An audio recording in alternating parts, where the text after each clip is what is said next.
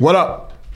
Good afternoon, morning, evening, whenever you're listening. Please, as always, like, share, comment, okay? Leave a review, subscribe on YouTube, follow me on all of my social media handles, please. TikTok, Instagram, uh, Twitter, wherever it is that you consume the content. Fire Marshall 205 would really appreciate it. So, let's jump into the last week here of how to be a badass physically.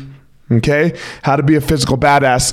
Uh, this one's going to be short and sweet, fellas, ladies. Put it on your calendar. All of this stuff has to be on your calendar. When you're going to work out, when you're going to train. Has to be. Why? Life's busy. I'm not going to try to pretend like it's not. We're not going to try to pretend like life isn't busy. Part of this whole problem, okay, with this physical badass is you think you have it. You think you're in shape. You think you're not fat. You think you're not overweight.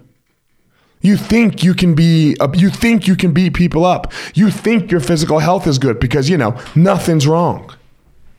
But there's no plan, there's no structure to it. There's got to be a structure to the whole thing. Get a calendar, put everything on your calendar. Everything's got to go on your calendar. When you're going to work out, when you're going to see your doctor, when you're going to go train jujitsu, when you're going to go train Muay Thai, if that's what you're doing. Put these things on your calendar so that you know about it, your wife knows about it, your kids know about it, and it's not a negotiable thing. These things aren't negotiable. When you are physically healthy, you do everything else better. You're a better husband, you're a better dad, you're a better boss, you're a better employee, you're a better everything.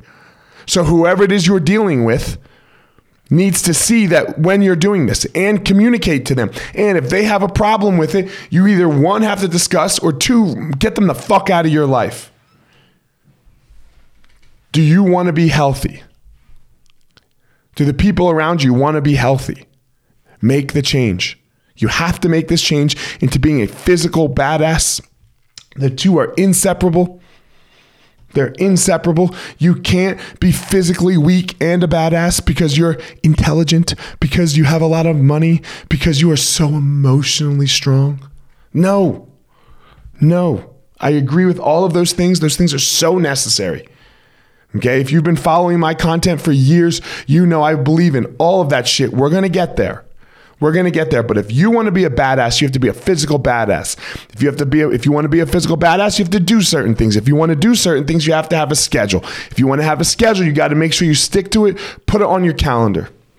Discover your passion, find your power, go give your purpose to the world, ninjas.